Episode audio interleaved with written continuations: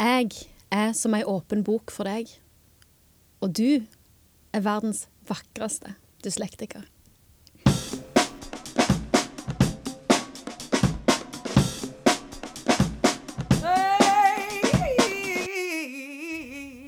Velkommen til en ny seminarepisode i Pedpodden. Og i dag så har vi fått inn Fartein igjen. Velkommen tilbake, Fartein. Takk for det. Veldig kjekt at du er så sporty å stille opp for andre gang i Pedpoden.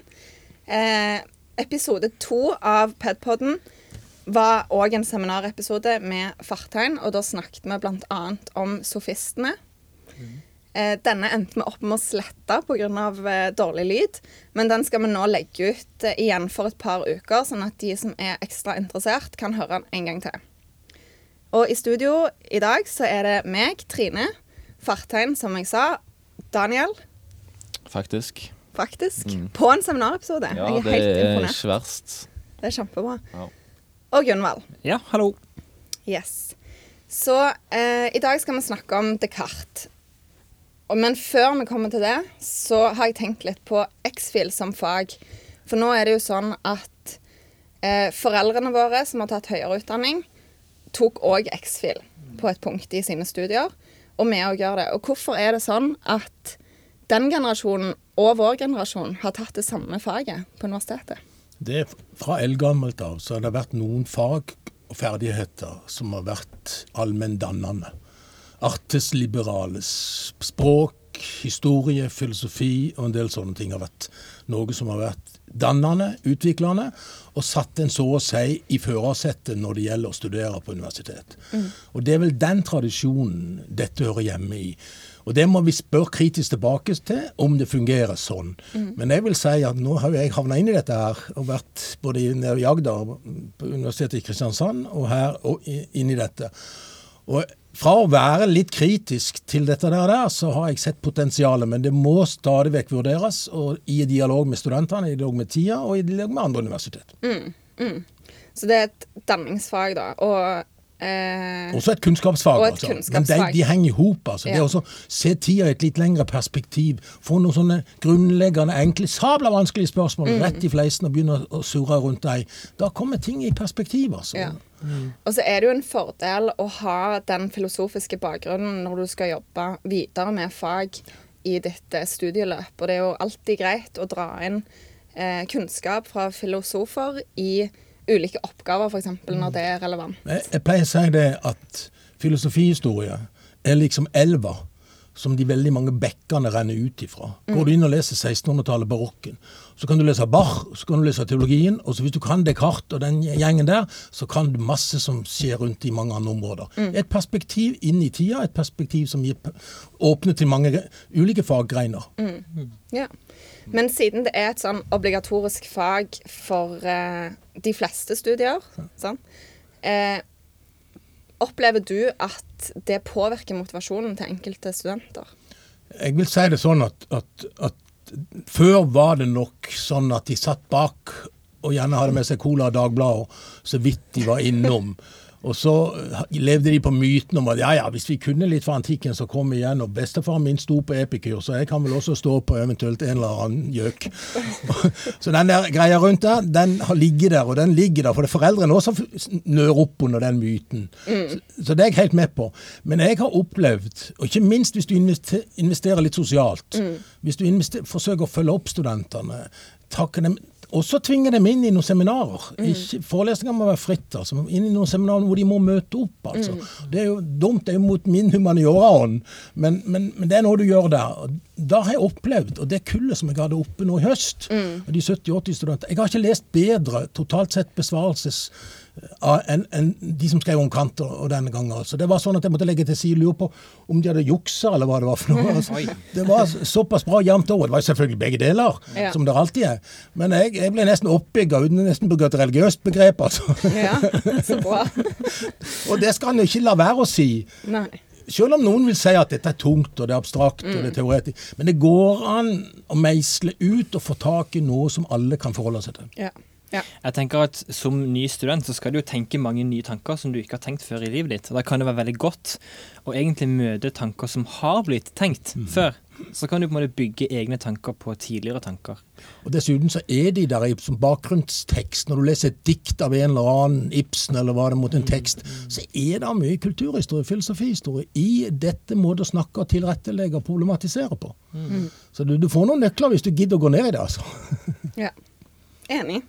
Men da tenker jeg at vi kan eh, begynne med Descartes. Dette skal jo være en seminarepisode. Eh, men da må vi plassere han inn i en kontekst.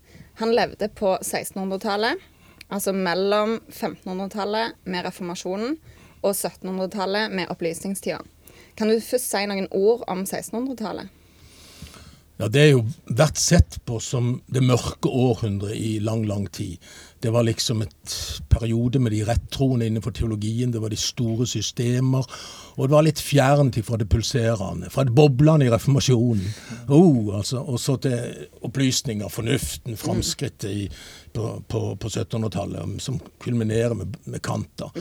Men så har man etter hvert begynt å grave, altså. Og jeg har jo skrevet en doktoravhandling hvor gysla mye er fra 1600-tallet. Så jeg har svetta over latinske tekster i metervis. Så jeg vet jo litt, og så vet jeg også om at de største tenkerne på den tida, i en brei tradisjon, de er det nesten ikke gjort noe med. Så jeg fikk tilbud i sin tid om å sitte fem år med en som heter Abraham Karlov. Eh, men jeg sa det at jeg vil hjem til Norge og vil hjem og, og jobbe med, med andre ting enn det. da. Men det viser nå at det er masse å gjøre som, som setter ting i perspektiv. Men, men jeg syns, la oss si det sånn, enkelt eh, Descartes lanserer det som er tydelig og klart for fornuften. Det som du lukker øynene og ser tydelig og klart. Og det som du da kan bruke og bygge opp argumentasjoner rundt, ut fra det og se det i sammenheng, det er sant. Det er også moralsk sett riktig.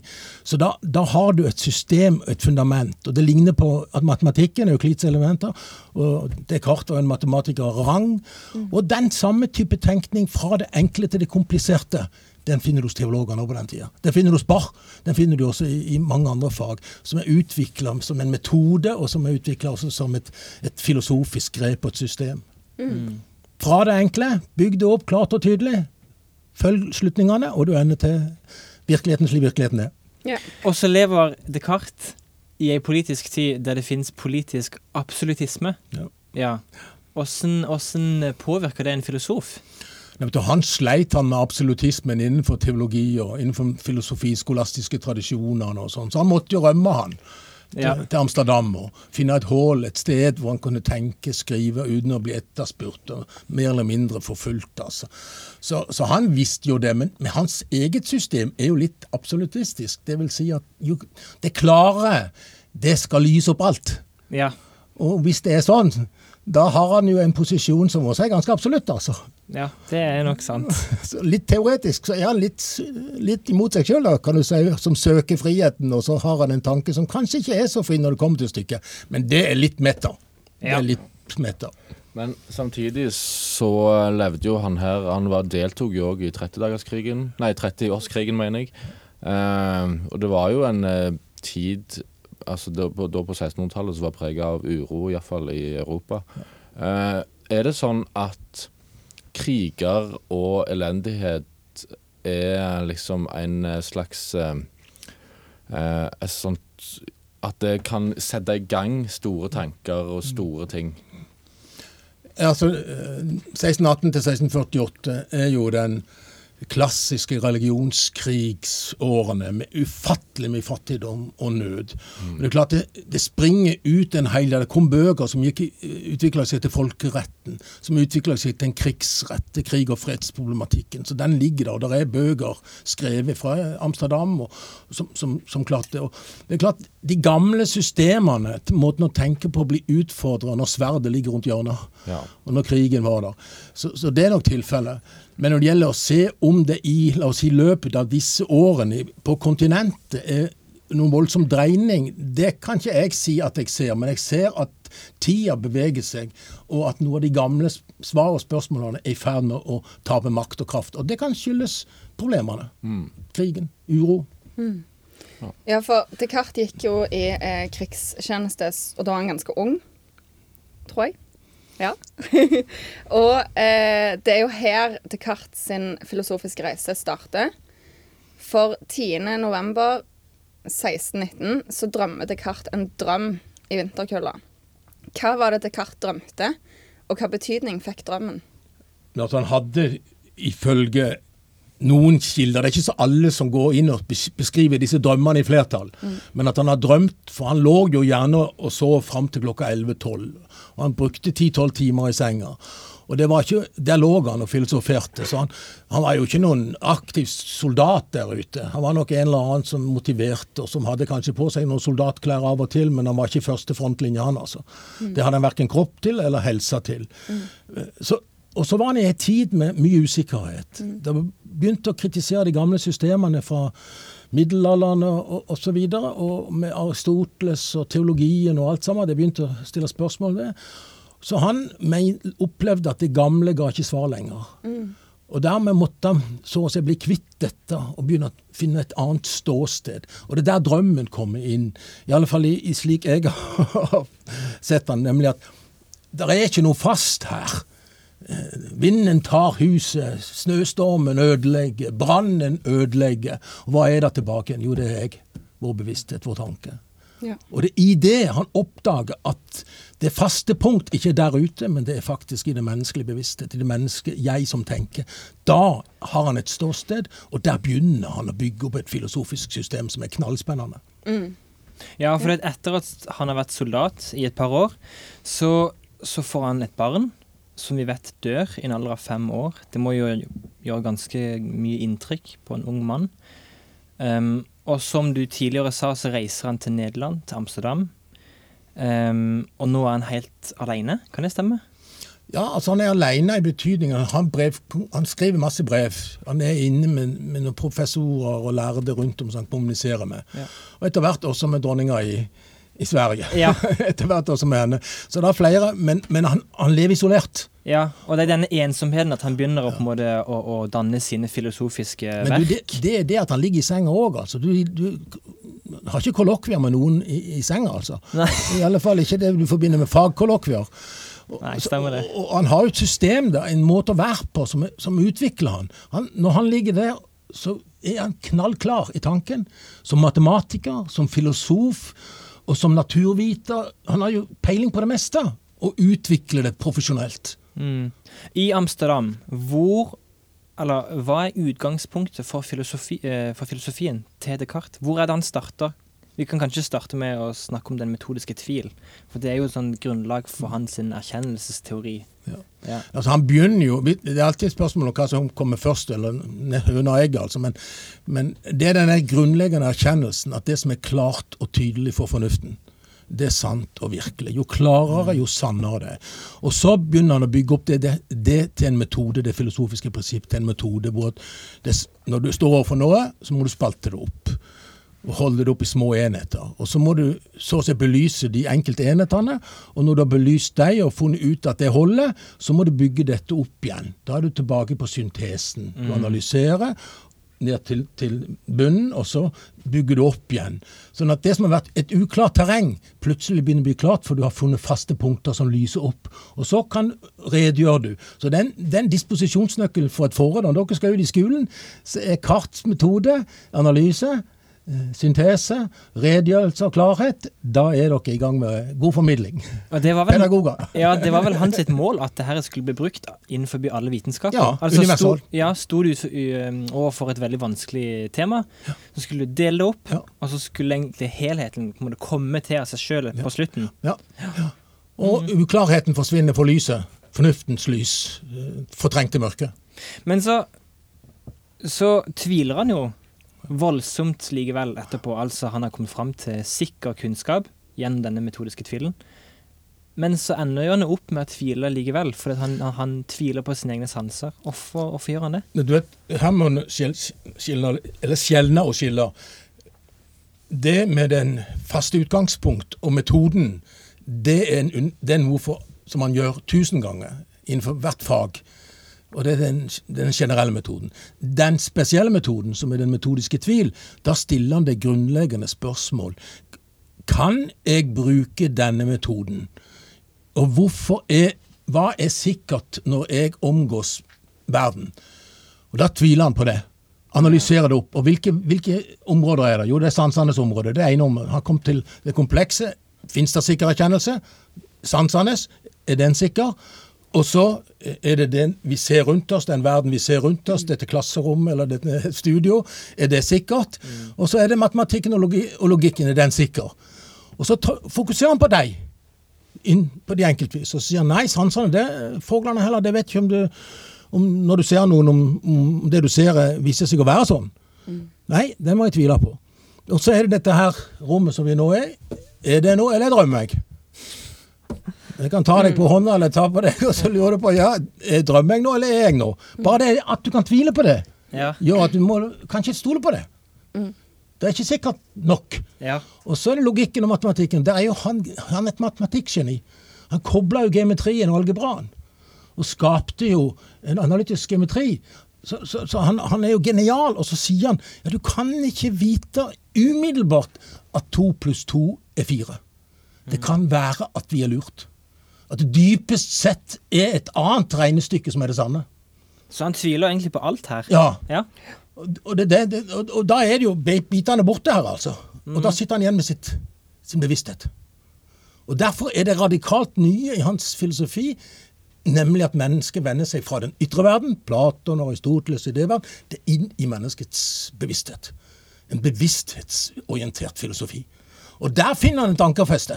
Ja. Fortell litt om det ankerfestet. Ja, Da er jo han helt sikker på at midt oppi alt dette her så tviler han. Ja. Og da Jeg tviler, jeg tviler, jeg tviler. jeg tviler. Ja, men da er jo jeg, som, da er jo jeg et eller annet. Da er jeg et jeg som tviler. Cogito. Jeg tenker jammen jeg er noe. Ergo sum. Og det er den grunnsetningen. Og fra den så går han videre, og så bygger han opp et resonnement som gjør at min erkjennelse, når den er klar og tydelig, så er den, sier den noe om den ytre virkelighet. Guds bevis. Ja, for det blir det neste. For ja. han, han uh, tviler på alt som, som er, som du har fortalt. Og så kommer han fram til at den her uh, 'jeg tenker, altså er jeg'. Men så, så virker det til at han tviler fortsatt litt. Men så må han få, ja, finne et sånt absolutt bevis på at det han ser rundt seg, det stemmer. Det eksisterer. Mm. Og da kommer dette gudsbeviset som du nevnte. Ja. han, han, han forlater ikke prinsippene sine, for han sier det er umiddelbart klart, tydelig og klart, jeg tenker, jeg er til. Ja. Og så i denne bevisstheten har han en klar begrep, et klart begrep som heter det fullkomne, eller den eller det fullkomne. ja. Og det fullkomne må, for at det er fullkomment, eksistere, ellers er det ikke fullkomment. Altså han slutter fra tanke til væren, til eksistens. Altså, når jeg har tenkt og, og klarer å registrere at i min bevissthet så er det begrepet, da rommer det begrepet i seg sjøl eksistens. Og da er Gud til. Og Og neste ledd er jo da Gud kan ikke bedra, så hvis vi er ryddige med hodet, så kommer vi ut til den ytre virkelighet. Da går vi fra vår indre bevissthet, og så finner vi den ytre virkelighet slik den er. Ja, så fordi at Gud ikke bedrar mennesket, Ja. så kan også ikke Gud bedra oss ved å plassere dette studioet her uten at det eksisterer. Ja. Ja, det må uten at vår fornuft, når den er klar og tydelig, ikke kommer til sannhet. Den kommer til sannhet. Det er Guds beviser for det. Ja, I praksis. Ja. Ja. -hmm. Ja. Det er interessant. Ja, det er veldig interessant. Altså, jeg um, prøvde jo å lese meg litt opp på dette i fjor, for dette var jo pensum for oss for fem år siden, faktisk. Um, og da når jeg leste om den metodiske tvil, så fikk jeg samme følelse jeg fikk for fem år siden. Og det er at jeg syns at det er noe trist over dette, noe ufattelig ensomt over den tanken med å tvile på sin eksistens, tvile på sine sanser. Eh, Men han gjør jo ikke det om igjen igjen. Han gjør det én gang. ja, han gjør det om. Om altså, igjen, og Han ja. bader én gang, Ja. og så er han ferdig. Ja. Og han er rein. Ja. og, det, og da er det ikke så gale. Nei. Han måtte gjøre dette hver dag. Ja, ja. Når han kommer fram til eh, det gudsbeviset, da, at, det, at ting eksisterer fordi at tanken eksisterer, så er det jo greit. Men eh, ja, jeg på- syns fram til da så virker det så trist. Ja, Du har ikke lyst til å gå sammen med han, men, men du kan høre på han, og da skjønner du at ja, men sant, det var, det var, jeg kan ane noe. Det er ikke, det er ikke sånn vi tenker. Mm. Men han levde i en tid hvor, hvor man begynte å tvile på det meste. Mm. Franske filosofer eller grever satt der nå og lurte på om det bare er min egen private bevissthet som eksisterer. Solipsisme. Og, og du, du, da, hvis det blir sånn, da, da detter vi fra hverandre i atomer. Ja. Og så finner han et plattform, så han svarer på noe grunnleggende Ja. i tida. Du har vært inne på det. um, dette med det indre og det ytre hos, hos eh, Descartes. Det kalles for å være dualist. Han var en dualist. Kan du fortelle litt om dualismen i Descartes sin filosofi? Altså Den dualismen som han har, er en utgave av den klassiske dualismen mellom ånd, det åndelige fornuften og eventuelt Gud eller den type, og det materielle. Og vi til, Stoffet. ja, og da er vi kanskje tilbake igjen til Plato. Platon har noe av det. Aristoteles også har noe av det, men i mer, mer begrensa forstand. Den gamle dualismen mellom ånd og stoff, ånd og materie, den har vært i kirka, den har vært i teologien, den har vært i kulturen. Og, og, og hos Hans er det tydelig at den utstrekningens verden, som kan telle, veie og måle, det er én verden. Mens tankens verden, sjelelig substans, en åndelig substans, en helt annen verden. De er ikke kompatible engang. Så det er to motsetninger som egentlig jobber mot hverandre. Men så hadde han en veldig interessant tanke da, om hvor, Hvor de berørte hverandre. ja, hvor den ytre verden og den indre verden på en måte møttes. Glandula pinealis, altså denne kongelige kjertelen. Ja. baki her, eller jeg vet men, men teorien var sånn Dette er jo et svakt punkt hos han. Det er jo nesten sånn at det er ridiculous. men det som han er ute etter Alle kjertler har to funksjoner. Ok. Og det var liksom I datiden visste man. Og den der, der kjertelen der, kjertelen, den hadde bare én funksjon. Den andre funksjonen ifølge han måtte være å koble sammen disse verdenene. Så det er en link mellom eh, den åndelige verden og den fysiske ytre verden. Men den er løs, altså. Så det, og det gjør at den åndelige verden er den egentlige verden. Den Ja. materielle verden er jo den. Men den materielle verden blir jo telle, veie og måle. Så alt blir et grustak som du kan bygge hva du vil. Og der, her er det åpenbart en vei i retning og forurensning. Du, kan ødelegge, du ødelegger ingenting når det er månelandskap. Når det er bare partikler, bevegelse og, og, og, og sånt, fysiske lover, da er det jo noe Det henger ikke sammen, sånn, sånn som fra gammelt grekerne sa. Det er noe holistisk, at kroppen og ånden og hele Altså, du driver og drar i stortåa, så blir du god i hodet, liksom. Det passer ikke hos han, altså. Nei, ok. For å si det litt banalt. ja. Konglekjertelen er i hjernen. Ja, Ja. Bare for å Ja. avklare det for de som hører på. Um, skal vi gå videre? Ja, Ja. jeg har et spørsmål. Ja. Fordi at uh, um, Descartes blir sett på som den moderne fars Eller filos, em, faren til den moderne filosofi. Ja. Eh, han, hans filosofi omtales som en sånn kopernikansk vending. Mm. Eh, Hvorfor, hvorfor er disse tankene som vi nå har drøfta, så utrolig revolusjonerende i si samtid? Det er det at han flytter tyngdepunktet i virkeligheten og forståelsen av virkeligheten fra ideene, tingene der ute, Gud, formene, ideene i den platonske aristoteliske tradisjon, til menneskets bevissthet. Altså det, det er ikke lenger det der ute, det der oppe som er i sentrum, men det er menneskets bevissthet. Da har han rokert. Derfor er det, derfor er det en slags sånn sjakkspills eh, Man flytter her tårnet og, og kongen, altså. Og, og det, det er den tanken. Sånn at han rykker bevisstheten til de grader i sentrum, og det er nytt. Og dette fører jo Kant videre, på sin måte. Ok, Vil du fortelle litt om det? Åssen helt kort? Nei, Åssen Kant at- bygger på Descartes? Nei, også- ja. Ja, det er en tråd mellom rasjonalisten Descartes ja. og den filosofien som Descartes utvikler, nei, Kant utvikler. For der er det også det menneskelige jeg. Det er ikke den ytre verden som setter virkeligheten, men det er den menneskelige bevissthet, anskuelsesformen. Vi strukturerer, det er vi som strukturerer. Vi vet ikke om det er sånn i seg sjøl, bortenfor alt. Men vi ser det sånn, og da er det vi som setter det.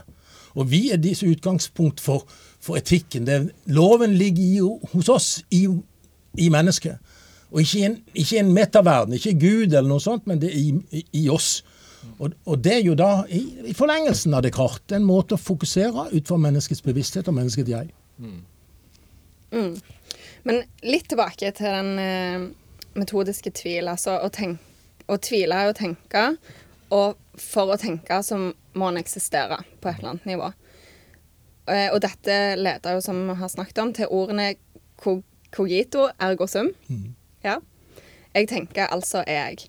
hva kan vi som studenter i dag forsøke å gjøre med et sånt budskap? Ja, det, du, det du kan For det første så kan du lære masse ved å våge å ta litt tid til å gå inn hos Descartes og hilse på han. Mm. Lese livet hans, gå inn og kikke litt. Og Diskurs de la metode som han skrev, som kom ut i 1637, den er LFC som er rimelig enkel, altså. Den, den, tror jeg også det, en del av meditasjonene går det an å lese. Og da, da får en kontakt med han sjøl. Altså. Da snakker du omtrent med han. Det er en runde. Og så er det dette her eh, forsøket på å stille de grunnleggende kritiske spørsmål. Holder dette, eller holder det ikke? Det kommer jo. Når han tviler, så stiller han spørsmål. og Det er noe vi, vi student, dere studenter, vi faglærere, så er det jo at vi ikke skal bare føre videre. Men vi skal stille de grunnleggende kritiske spørsmål, og det gjør han jo.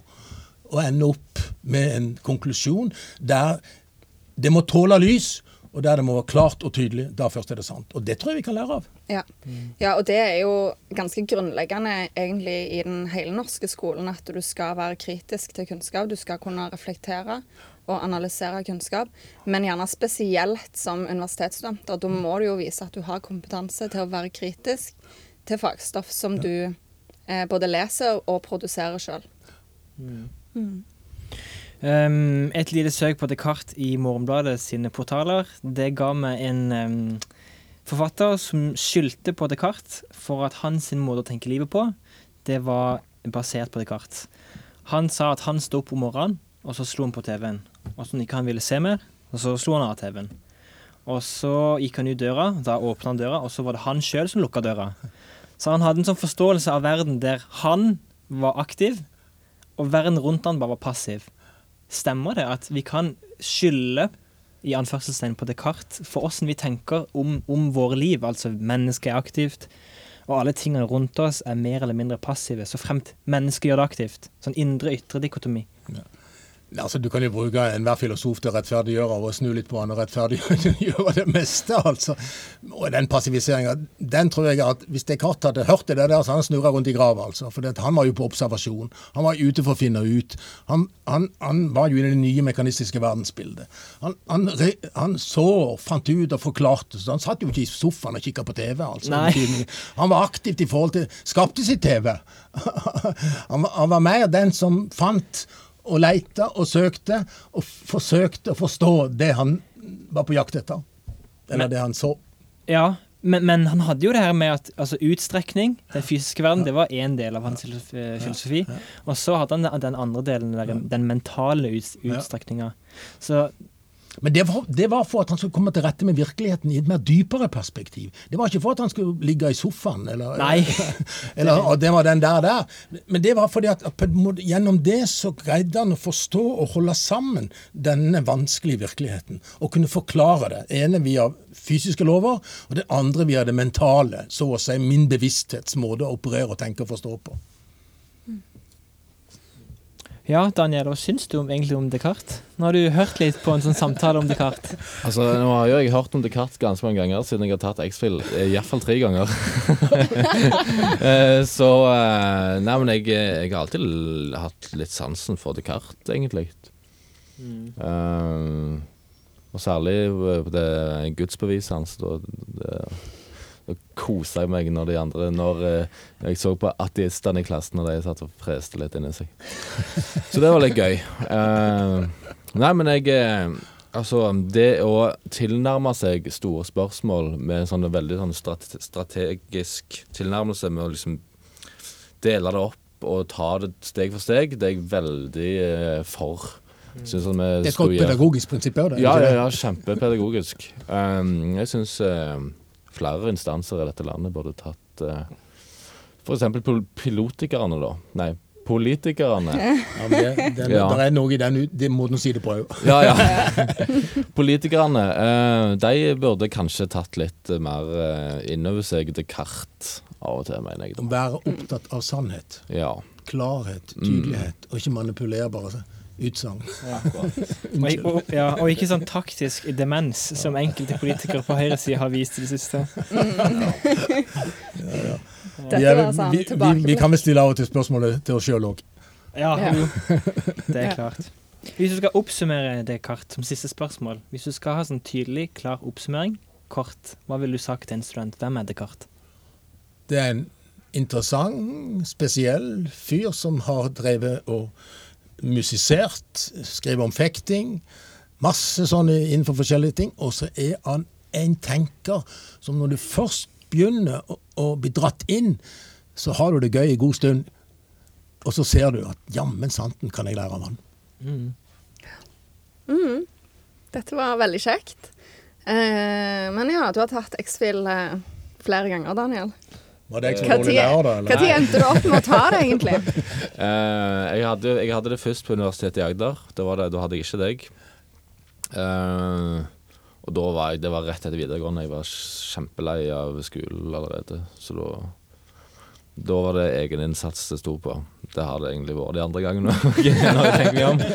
Men uh, så hadde jeg litt med eksamensformen å gjøre òg, da. De to første gangene det var sånn skoleeksamen, og det har jeg aldri vært flink til. Uh, Iallfall ikke når det gjelder sånne fag som dette her. Så det tredje gangen da fikk jeg hjemmeeksamen og skrev til en B, så jeg er fornøyd. Jeg. Kan jeg fortelle studieteknikken din til når vi skulle ta eksamen for fem år siden? Å, dette husker jeg ikke, uh, men ja, du sier det sikkert uansett, så. Uh, Daniel eh, tenkte som så, jeg kommer ikke til å klare å komme over hele pensum, så jeg lærer meg to filosofer og satser på at jeg får én av de. Og det var Thomas Aquinas og Augustin. Ja. Og så bare, når vi fikk eh, dette eksamenssettet, så så jeg bare bort på Daniel. Og han bare snudde arket og bare stirra opp. ja så eh, studenter der ute, ikke prøv den, eh, den eh, strategien der. Det funker særs dårlig. Og man taper et helt Ja. semester, iallfall deler av et Ja. semester. Så vi gjør en jobb, og da, da, da er det bedre å i, I forhold til penger og økonomi og, og, Ja, Men, men livet er ikke alltid alt. enkelt. Nei, nei, Selv for nei. en ung student. Det er flere ganger jeg har tatt flere eksamener om igjen, jeg, så um, ingen skam med det, holdt på å si, men det er jo kanskje det. Ja, ja. men det var gøy. Takk for at jeg fikk si det. OK, men eh, jeg tror vi er ved veis ende for i dag. Tusen takk for at du ville komme tilbake til oss. Det har vært veldig kjekt og veldig lærerikt. Og jeg håper at eh, de som eventuelt skal ta X-Fil nå, kan eh, høre på denne episoden og lære noe fornuftig av det. Og så, som vanlig, er vi på iTunes, Podbean og eh, Soundcloud. Du finner oss på sosiale medier som er Facebook, Instagram og Snapchat. Og nå kommer det gjerne en artikkel i Byas om oss i løpet av denne uka, kanskje neste uke. Ja. Eh, og takk til Smith, som fortsetter å dele våre episoder. Og enn så lenge, ha det gøy! Ha det gøy. Ha det gøy. Ha det gøy.